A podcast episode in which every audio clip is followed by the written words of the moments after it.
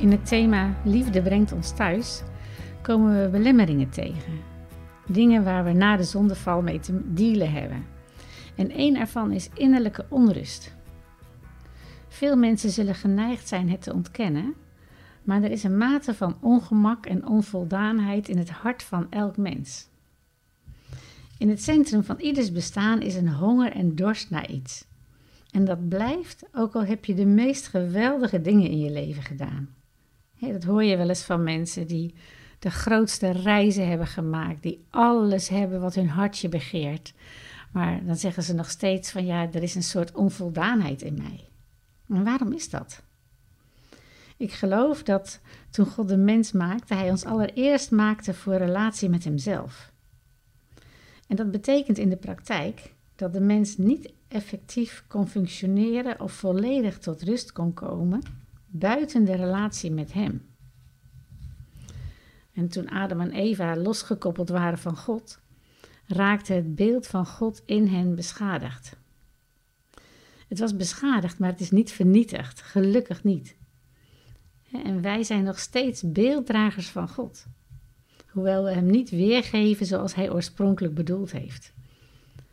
En toch is er in elk van ons een aangeboren gewaarwording dat we niet totaal tot rust kunnen komen tot we weer op ons gemak zijn met God.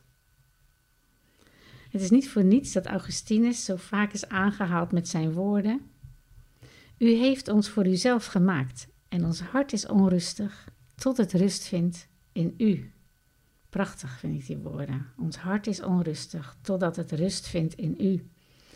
En we vinden vervulling in de psalmen staan er ook bol van. Psalm 37 bijvoorbeeld. Vertrouw op de Heer en doe het goede. Bewoon het land en leef er veilig. Zoek je geluk bij de Heer. Hij zal geven wat je hart verlangt. Leg je leven in de handen van de Heer. Vertrouw op Hem. Hij zal dit voor je doen. Het recht zal dagen als het morgenlicht.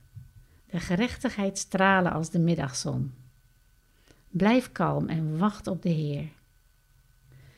Wie de Heer welgevallig is, mag zijn weg gaan met vaste tred. En Heer, zo bidden wij dat U ons hart tot rust brengt in U. Dank u wel dat het beeld dat we mogen dragen, het beeld van U, dat dat niet vernietigd is. En we danken U dat, ook al is het beschadigd, we echt verlangen naar een vervulling van Uzelf in ons. Heer, dat kan door uw geest. En wij bidden, kom Heilige Geest en vul ons hart. Vul het met de rust en de zekerheid dat ons bestaan bodem vindt in u, bestemming vindt in u.